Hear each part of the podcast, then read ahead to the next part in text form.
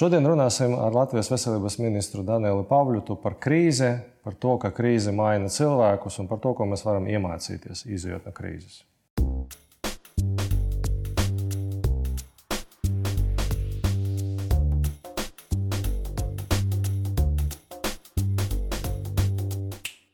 Man liekas, ka tev ir tāds interesants darbs, kuram nu neviens visticamāk neapskauž Latvijā. Tas vis, laikam bija tas baisais stress priekš teviem. Kāda vieta? Nu, teiksim, šis, šis darbs man sameklēja diezgan negaidīti. Mēs, mēs visi to vērojam, vai ne? Cik tas jā, negaidīti. Jā. jā, par to vai nu, gan jau droši vien vienmēr ir kāds, kas, kas, kas vēlas uh, neatkarīgi no riska pakāpes, uh, kādas redzamas amatus ieņemt. Uh, tas droši vien ir, ir normāli. Bet nu, tas, ka. Um, šajā konkrēti, nu, visādas darbus esmu darījis savā mūžā, un es, kā jau saku, no riska neesmu vairījies, uz drošām likmēm spēlēt nav bijis gluži mans žanrs. Ja. Es atzīstos, ka esmu adrenalīna atkarīgs. Tas ir, nu, to mēdz teikt par uh, project related adrenaline junkie behavior. Ja? Junkie behavior, tas ir tas coming out. Laikam, junkie, jā. Nē, tas nav, tur nav liela noslēpuma. Es domāju, ka jebkurš puslīdz, kā lai saka, analizējošs cilvēks, pavērojot manas karjeras pavērsienus, uh, saprot, ka bez skatuves un zināmas, teiksim, adrenalīna devas man ir grūti ja, teikt, eksistēt. To es atzīstu, es to atpazīstu jau labu laiku es varu ar šo savu um, saka, personības šīm izpausmēm sadzīvot un, un būt produktīvs. Tas man liekas, ir tā svarīgākā lieta, ka, ka varēt izdarīt uh, lietas, kuras ir grūti izdarāmas, bet ir nepieciešamas. Ir tāds tā mans nu, nezinu, trademarks, man gribētos teikt. Ja? Uh, ar to es negribu lielīties. Jūs brīnišķīgi saprotat, ka tam visam ir arī kaut kādas ēnas puses. To brīnišķīgi šīs ēnas puses pazīst gan mana ģimene, gan uh, mani draugi gan arī droši vien cilvēki, kas ikdienā ar mani strādā kopā. Bet nu, šajā laika posmā, ar šiem, šajos apstākļos, pandēmijas apstākļos, krīzes apstākļos, ar ļoti daudziem nezināmiem, to starp nezināmiem, nezināmiem. Ir viena lieta, ir zināmie, nezināmie. Ja? Piemēram, mēs varam par revakcinācijas stratēģiju parunāt. Ir lietas, kuras mēs nezinām, cik ilgi vakcīnas darbosies, ja? cik viņas saglabās imunitāti ja? cilvēkiem pienācīgā līmenī kas ar mutantiem būs, ja, kad būs gatavas vakcīnas, kas būs uzlabotas jau pret šiem paveidiem. Tie visi zināmie, nezināmie, bet tad droši vien ir nezināmie. Ja, unknown, unknowns, ja, un ar tiem operēt ir neiespējami. Tad, kad Donalds Transfelds to pieminēja, no Nons, par viņu visi smējās. Laikam tagad visi saprata, ka nu, normāla dzīve ir tie nezināmie. nezināmie jā, nu, tie jau savā ziņā skaties, kā grib tie melnie gulbi, jā. par kuriem teiksim, runāja, vai, vai kāda cita apzīmējuma. Bet visos laikos un tautās ir, ir bijuši notikumi, kuru kuras ir bijis iespējams ieraudzīt un izskaidrot tikai postfaktum. Ja? Mm -hmm. teikt, skatoties atpakaļ, jau visiem viss ir skaidrs. Ja? Mm -hmm. Tas tā kā mēs tagad visi esam kaut kādā līmenī sev uzskatām par zinošiem epidemioloģijas jautājumos. Un, un tā. Bet tas, ko es gribēju uzsvērt, ir, ka es negribētu šo traktēt kā tādu solo žanru Šis ir komandas darbs, un uh, es tiešām gribētu atzīmēt, cik kolosāla komanda ir man apkārt. Mans birojs, mans politiskais birojs kā ministram. Um, tie paši cilvēki, kas ir uh, daudz pieminētais vakcinācijas birojs, kas tagad ir vakcinācijas projekta nodaļa uh, Nacionālajā veselības dienestā. Ministrijas cilvēki, kas ir nu, jau vairāk nekā gadu strādājuši diennaktīm un, un darījuši neticamā ātrumā. Visi tie cilvēki, kas sauc ierēģus par sliņķiem un vēl tur kaut kādos vārdos, uh, šī būtu mana reize. Es ļoti daudz esmu ticis kaunināts publiski un nepubliski, messengeros, WhatsAppos, Twitteros, Facebookos un citur. Šī man reize pateikt, nokaunieties. Visi tie, kas saka, ierēģi ir sliņķi un nejēgas. Jo tā kā viņi strādā, tādā tempā, ar tādu elastību, pašatdevi, tas ir apbrīnojami. Es domāju, laika jau tas viss tikai varēs tikt novērtēts, tā kā mēs ar šo būsim tikuši galā. Ko tu saprati par to sistēmu, skatoties, kā strādā veselības sistēma, valsts sabiedrība? Jo es tev piekrītu par tām nekonstruktīvām reakcijām, visus apelot un tam līdzīgi. Nu, cilvēki, tas, tas grūti vienam, un slikti, tas ir saprotami. Nu, nu, to vakcīnu vajag visiem, un vienam nevajag tādu, to epidēmiju. It kā mēs visi esam vienā laivā, un teik, teiksim, nu, pateicoties tam vīrusam, to arī varēja saprast bišķi labāk nekā mēs sapratām. Un ko tu saproti par cilvēkiem, teiksim, skatoties no augšpuses, ar visu to maksimālo adrenalīnu visdrīzāk savā dzīvēm? Nu, ja no augšpuses mēs to saprotam, nu, tā kā tā no tāda putnu lidojuma, tādā nozīmē, ne? nevis kaut kādā hierarhijā. Nu, tu esi ministrs. Nu. Nu, ministrs tas ir darbs. Jā. To es tā vienmēr esmu uztvērs. Es esmu centies arī uzsvērt to, ka es strādāju par ministru. Nevis es, es esmu ministrs. Nē. Jā, tas ir, tas ir kā lai saka, personība transformējoši jā, jā, jā. šādus apzīmējumus. Strādā par ministru. Okay. Jā, es strādāju par ministru šobrīd. Nu, tas cits jautājums. Es nezinu, cik ilgi tas būs. Neviens nezina, jā, cik ilgi tas būs. Un tā, bet atgriežoties pie tā, labi, vēl viena piebilde. Man dzīvē lielu lomu spēlējis viens no maniem uh, universitātes profesoriem, līderības profesors Ronalds Hefets, kurš lieto šādu frāzi, ka nejauciet sevi ar lomu kurā jūs to brīdi esat. Do not mistake yourself for a role. Un to es vienmēr esmu centies paturēt prātā, absolūti praktiski. Ja? Tas ir arī par šo vārdu lietojumu. Bet labi, ko es redzu? Nu, es domāju, ka tas, ko var ieraudzīt šajā laika posmā, strādājot no veselības ministrijas perspektīvas, nodarbojoties ar Covid krīzes vadību, ar vakcinācijas projekta īstenošanu un visu to pārējo, ko veselības ministrija dara, un arī strādājot valdībā, To varētu sasumēt ar to, ko mēs esam faktiski darījuši. Un mēs esam šī gada sākumā valdībā panākuši atbalstu un, un šo sagatavoja iepriekšējā ministra Ilza Viņķela ar komandu. Un tas ir psihiskās veselības plāns, kuram tika piešķirts šim gadam 7 miljoni eiro. Vienreizējais piešķīrums par turpmākajiem gadiem būs ļoti nopietni jācīnās pie budžeta sastādīšanas. Un šīs psihiskās veselības plāns balstījās uz izpratni ka pandēmija ir ļoti sāsinājusi tās psihiski emocionālās problēmas Latvijas sabiedrībā, plaši izplatītās, vēl, vēl ļoti sāsinājusi. Ja? Un es domāju, mēs visi to saskaramies visdažādākajos veidos, kā trauksme savā ikdienā, kā dažādas arī neadekvātas izpausmes, teiksim, sociālajos tīklos, kā vardarbība ģimenēs un, un skolās un citās vidēs. Ja? Daudz un dažādas izpausmes šis sabiedrības psihiskās veselības stāvoklis pandēmijas kontekstā ir ļoti slikts. Un tā ir problēma, kas ir jāatpazīst, jāatzīst un jārisina. Un to mēs esam centušies darīt ar šo psihiskās veselības plānu dažādos veidos, sākot no emocionāla atbalsta izdegušiem eh, mediķiem, kas strādā ar mirstošiem covid pacientiem, līdz tam, ka ģimenes ārsti tagad var sasniegt konkrētus psihiskās veselības speciālistus un nodrošināt atbalstu jebkuram ikdienas pacientam, savam, kas saskarās ar, šiem, ar šīm grūtībām. Īsiem vārdiem, šis, šī ir tā reize, ka mums kā sabiedrībai ir jāpasaka, ka tas, viss tas, kas notiek, ir tik smagi, ka mums vajag palīdzību. Vīriešiem īpaši grib pateikt, ja, ja ir grūti, ir jāvēršas pēc palīdzības. Ja. Īsti vīri arī raud. Un tā. Tās iepriekšējos 15 gados mēs mēģinājām rast e-veselības sistēmu, un tagad, trijos mēnešos, Nu, tā nav veselības sistēma, bet toties tas, tas ir portāls, tas ir strādājošs portāls, viņš ir stabili strādājošs portāls, viņš nu, nekarās nost, viņš, nu, viņš, viņš dara, ko vajag izdarīt. Ja. Un visdrīzāk, ja nu, mēs ar tevi runātu pusgadu atpakaļ, es tā neteiktu, ka nu, tik ātri kaut ko šitādu varēja uztaisīt. Vai tu vari atkārtot bez tās krīzes pēc tam ar visu veselības sistēmu? Tādu pašu triku. Viņš arī izskatās ļoti labi.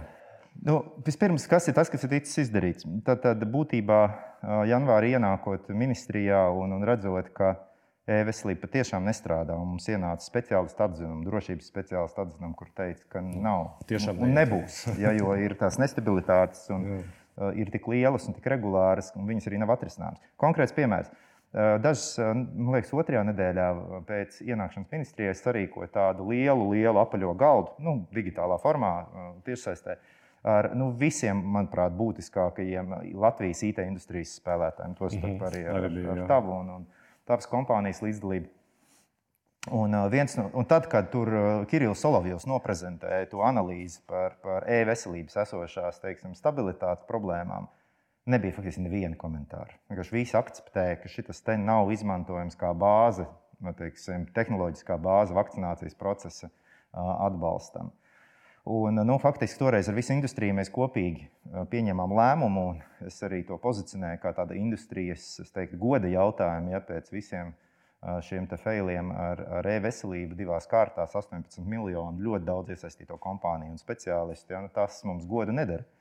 Un, un tas kopējais lēmums bija faktiski iet uz priekšu ar tādu industrijas brīvprātīgu darbu. Industrija sadalījās divās daļās. Tā, kas taisīs projektu, un tā, kas sagatavos projektu, ja? lai nebūtu interešu konflikta. Man liekas, tas bija izcili vienkārši, ka industrija pateica, ok, mēs netaisīsim sistēmu, tātad mēs dodam speciālistu darbu uzdevumam. Nedēļas laikā vesela grupa talantīgāko, labāko cilvēku bez maksas sagatavoja darbu uzdevumu. Mēs tam bijām klāt. To, kas, paldies! Mm. Un, un, un normāli tas prasītu mēnešus. Normāli tas būtu droši vien kaut kādi ar, ar vismaz seši, ar sešiem cipariem, visticamāk, rakstāms fī. Un tā.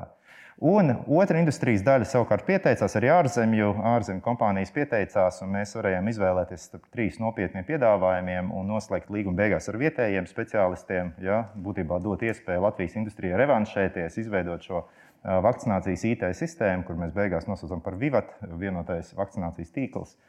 Un no 19. februāra, kad tika noslēgts līgums, precīzi astoņās nedēļās, kas bija līguma termiņš, tika izstrādāta strādājoša sistēma, notestēta, palaista produkcijā savā pirmajā iterācijā.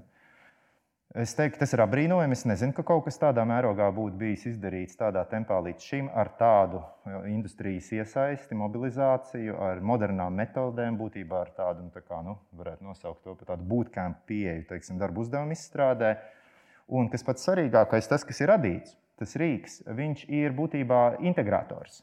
Tad, tad mēs paņemam visu esošo ārstniecības iestāžu lietotās sistēmas, nu, ko lieto operatori, reģistratūras ārsti. Ja?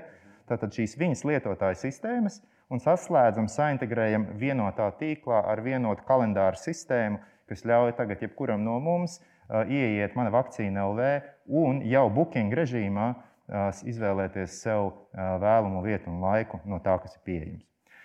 Nu tā, respektīvi, būtībā mēs gājām šo integrācijas ceļu, un tagad atgriežoties pie sākotnējā jautājuma. Vai to var mērogot un replicēt? Un man atbild, jā. Es redzu, ka tā var būt. Nu, protams, vairs ne bez maksas un ne tādā histēriskā tempā un ar, ar brīvprātīgo mobilizāciju. To nedrīkst bezgalīgi izmantot. Ja? Nu, nedrīkst no industrijas, manuprāt, prasīt strādāt par brīvu, tad, kad apstākļi ir normalizējušies. Ja? Cilvēkiem jāsaņem par savu darbu cienīgs atalgojums.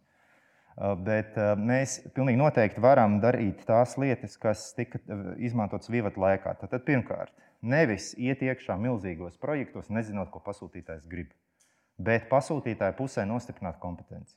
Pieņemt darbā vismaz dažus cilvēkus, kas reāli prot īstenot lielus, sarežģītus projektus IT jomā. Un, un es atļaušos uzskatīt, ka e-veselības nelaime, lielākā nelaime bijis kompetences un kapacitātes trūkums tieši pasūtītāju pusē.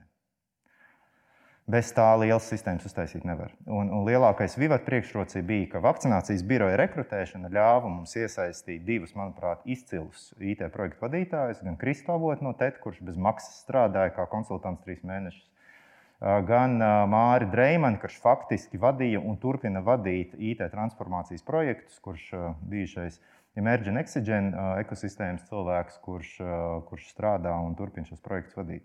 Tātad, balstoties uz šādu kompetenci, mēs varam iesaistīt lietotājus, veidot sistēmas, balstoties uz lietotāju vajadzībām. Uzreiz, ja? nevis nu, crap in, crap out, ja teiksim, digitalizēt sliktus, nepareizus, neveiklus procesus. Otrs, mums kā pasūtītājiem, uzreiz veidojot nākamo šo e-veselības, jeb digitālās veselības lielo iterāciju, mūsu uzdevums ir ieraudzīt to vīziju, nu, kur mēs gribam nonākt. Kādu mēs to ekosistēmu redzam? Un es gribu pasītrot vārdu ekosistēma. Jo tā vietā, lai varbūt nezinu, pirms desmit gadiem varēja publiskais sektors sapņot, aizvietot visu un teikt, uztaisīt sistēmu, kas izdara visu. Ja? Nē, šobrīd ir jāvirzās ekosistēmas domāšanas virzienā, publiskajam sektoram ir jāizveido digitālās veselības platforma, kas ir atvērta plug and play tipa sistēma, kurā var pieslēgties klāt slimnīcas informācijas -hmm. sistēmas, ārstniecības iestāžu esošās privātās sistēmas, ko nodrošina privātie pakalpojumu sniedzēji, privātās IT kompānijas, eh, kas nu mums ir. Un kur spēja integrēt gan labāko vietēju, gan ārzemju pieredzi. Nu, būtībā mums ir vajadzīgs mega integrators. Bet, protams, ka būs lietas, kas valstī jātur pašai. Lielie reģistri, datu apmaiņas formāti, regulējums, kas nodrošina šo te, uh, savstarpējo nu, interoperability ja, un lielo datu ģenerēšanu. Nu, visas šīs pacientu datu drošība pāri visam, protams. Ja. Tā kā tas ir tas publiskā sektora uzdevums, ir nodefinēt šo mežu, un, bet ļaut šajā mežā būt bioloģiskai daudzveidībai. Nu, tas jautājums ir, kāpēc interesants? Tāpēc, ka nu, Latvija jau nav, nav vienīgā valsts, kur ir problēmas bijušas tieši ar veselības sistēmu. Tajos pašos štatos Obamacare pēc būtības nav daudz vairāk sarežģīta nekā mana vakcīna šodien. Un ar to Obamacare nu, ir zināms, ka ir gājis. Tur tā, tas bija sarežģīts pasākums. Ja.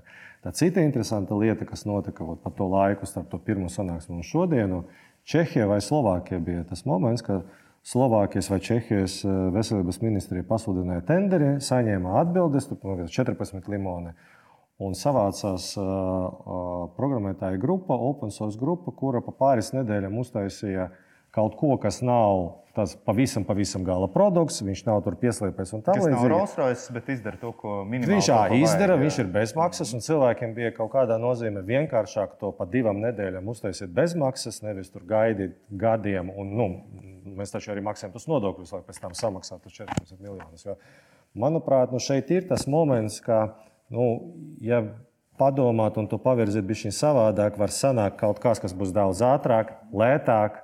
Un šeit bija tas moments, kad bija tie cilvēki, kuri nu, bezmaksas paņēma, uztaisīja tas prasības un at, attēja atpakaļ.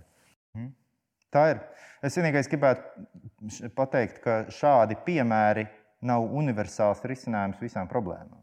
Jā. Ja? Teiksim, šāds uh, hackathona tipa sanācām kopā, sametām, izdarījām un, un aizgājām pa mājām variants var risināt kādu akūtu krīzes situāciju ātri, lēti, ja, bet, vai bez maksas. Bet tas droši vien neatrisinās visas problēmas paliekošā veidā. Ja. Tādā veidā mēs nevaram nonākt pie šāda uzlidojuma, hackathona pieeja. Mēs nevaram nonākt pie stabilas, robustas, vienotas kaut kādas sistēmas lielā nozarē. Ja. Nu, tur, kā jau saka, šīs pieejas ir jākombinē. Ja? Tas agility, tas ātrums, tā veiklība no šādiem hackathon tipa uzlidojumiem ja? tas, ir jākombinē ar profesionālu cilvēku mm. atbildību, kas izriet no lieliem kontraktiem, no sarežģītām sistēmām, viņu uzturēšanas un, un, un tā tālāk. Mums jau arī gal galā ir jānodrošina servisa garantijas. Ja? Nu, ir, tas, tas, tas, tas ir uztaisīts. Tas, kas man fascinē, ja paņem tādas nelielas sistēmas, nu, piemēram, CSDD vai ne ātrai palīdzība ir sava sistēma. Tur ir super izcinājumi. Tikko mēs aizējām uz to valsts līmeni, un tur parādās tie nu, lielie tenderi, jo CSDD tas ir nu, viena konkrēta iestāde, kuri viņi paņē, paši paņēma, paši pasūtīja. Nu, tur, ir, nu, tur ir super lietas uztaisītas. Ja? Un kā tu pārnes tādu jau valsts līmenī, un kāpēc tur tas aizķeršanas ir tik lielas, tas ir tas jautājums, ko es mēģinu atkost. Nu, droši vien visi jau nosaka, ka tiek cilvēka daba. Ja? Mm, viss problēmas atrisinās beigās vai saprotams caur šo aspektu.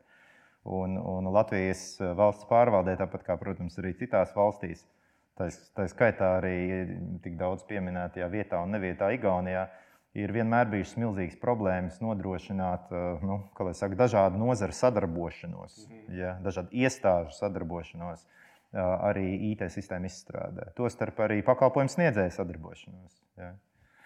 Daļa no, no e-veselības nelaimēm jau arī izriet no tā, ka no nu, pasūtītāja vājuma dēļ un, un tā tālāk šī sistēma tapa pa gabaliem. Dažādiem izstrādātājiem veidojot dažādus posmus, kurus saliekot kopā, beigās veiktspēja nu, kritiski zema. Bet bieži vien jau šīs sistēmas vienkārši top veidā, ka viņas pēc tam nav salāgojamas. Daudz un dažādi gan tehnoloģiski, gan praktiski iemesli.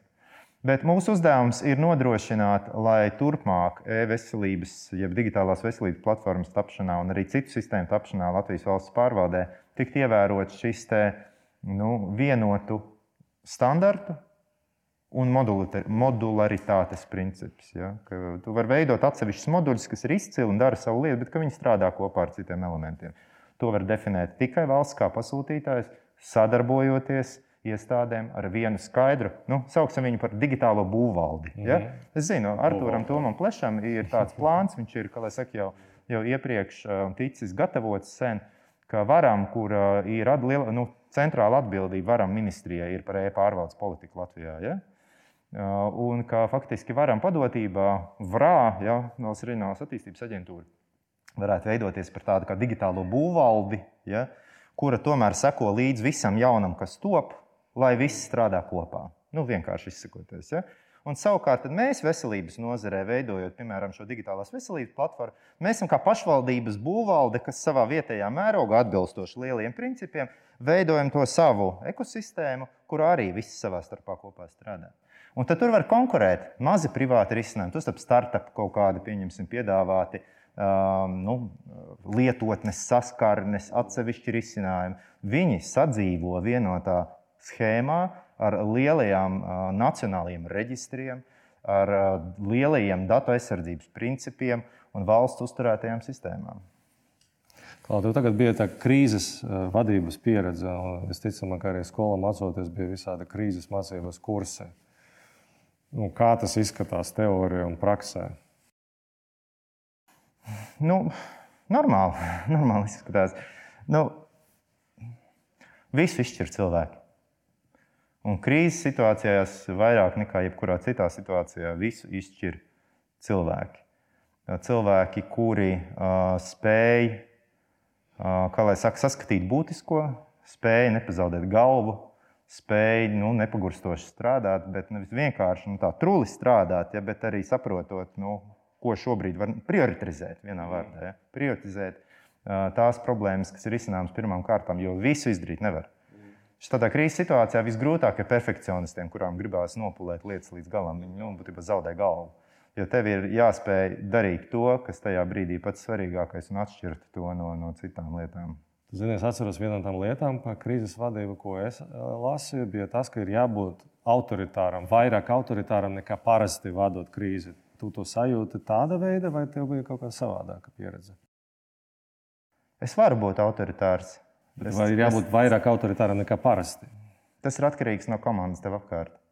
Jo šis autoritārisms uh, var izpausties kā atbilde uz uh, tavu kolēģi tavās grupas pieprasījumu. Mm -hmm. Piemēram, ja ir apjukums, tad ir vajadzīga šī šķietama autoritārā intervence. Paskat, tā, darām tā, ja? noņemam šaubas. Es ņemu uz sevi. Ja?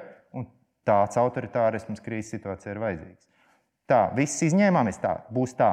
Ja? Visu dzirdēju, pietiek, ejam uz priekšu. Šis ir lēmums, es viņu ņemu uz sevi. Tādā ziņā tas ir, to var saukt par autoritārismu. Tieši tāpat kā ja nu notiek kaut kāds nu, bezspridzels, ja? kādam viņš ir jāaptur. Ja ir kaut kāds brīdis, ja ir hais, kādam jāapsaka, tā viss pietiek. Ja? Un tas var būt nu, es, formālā autoritātes lomā, tas var būt kāds cits grupā, kurš vienkārši tajā brīdī redz, ka tā nevar turpināt, bet viņam ir grupas neformālā autoritāte. Ja? Tādā ziņā tam nav jābūt autoritārismam, kā direktīvam, nu, atsaldētam, mm. kaut kādam varas realizācijas mm. pašmērķim. Ja? Mm -hmm.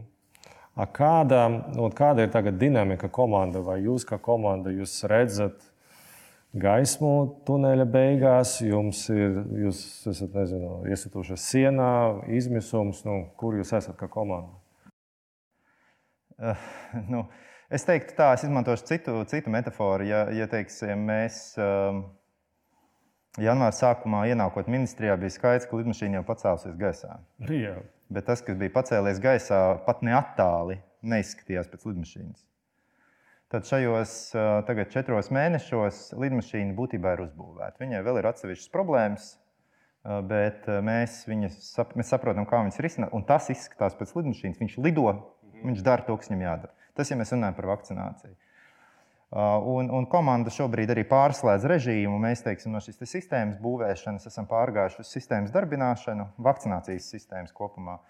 Uh, un, bet, nu, protams, ir arī citas darba plūsmas. Ja, Covid, uh, Covid saslimstības jomā, teiksim, jā, slimnīcas ļoti uzelpoja pēc tā pīķa janvārī, kas bija janvāra sākumā, kas sakrita ar manu ienākšanu arī veselības ministrijā. Uh, bet nu, šobrīd atkal tā situācija ir ļoti nopietna.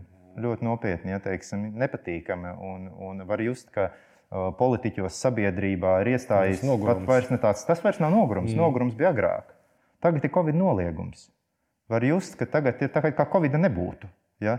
Un šodien, piemēram, nu, tas ir šodien, mēs runājam, 7. maija.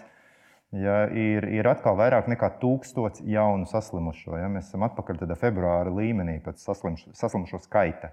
Ja, tas ir nopietni. Sabiedrības uzvedībā ir izmaiņas, socializācijā, pārvietošanās teiksim, algoritmos. Ja?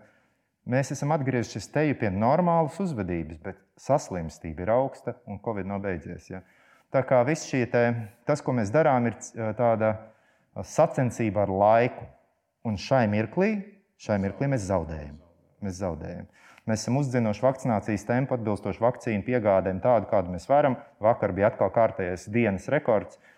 Bija vairāk par 15,000 vakcinēto. Tas ir aptuveni 1% no pieaugušiem Latvijas iedzīvotājiem. Nu, būs vēl. Ja? Bet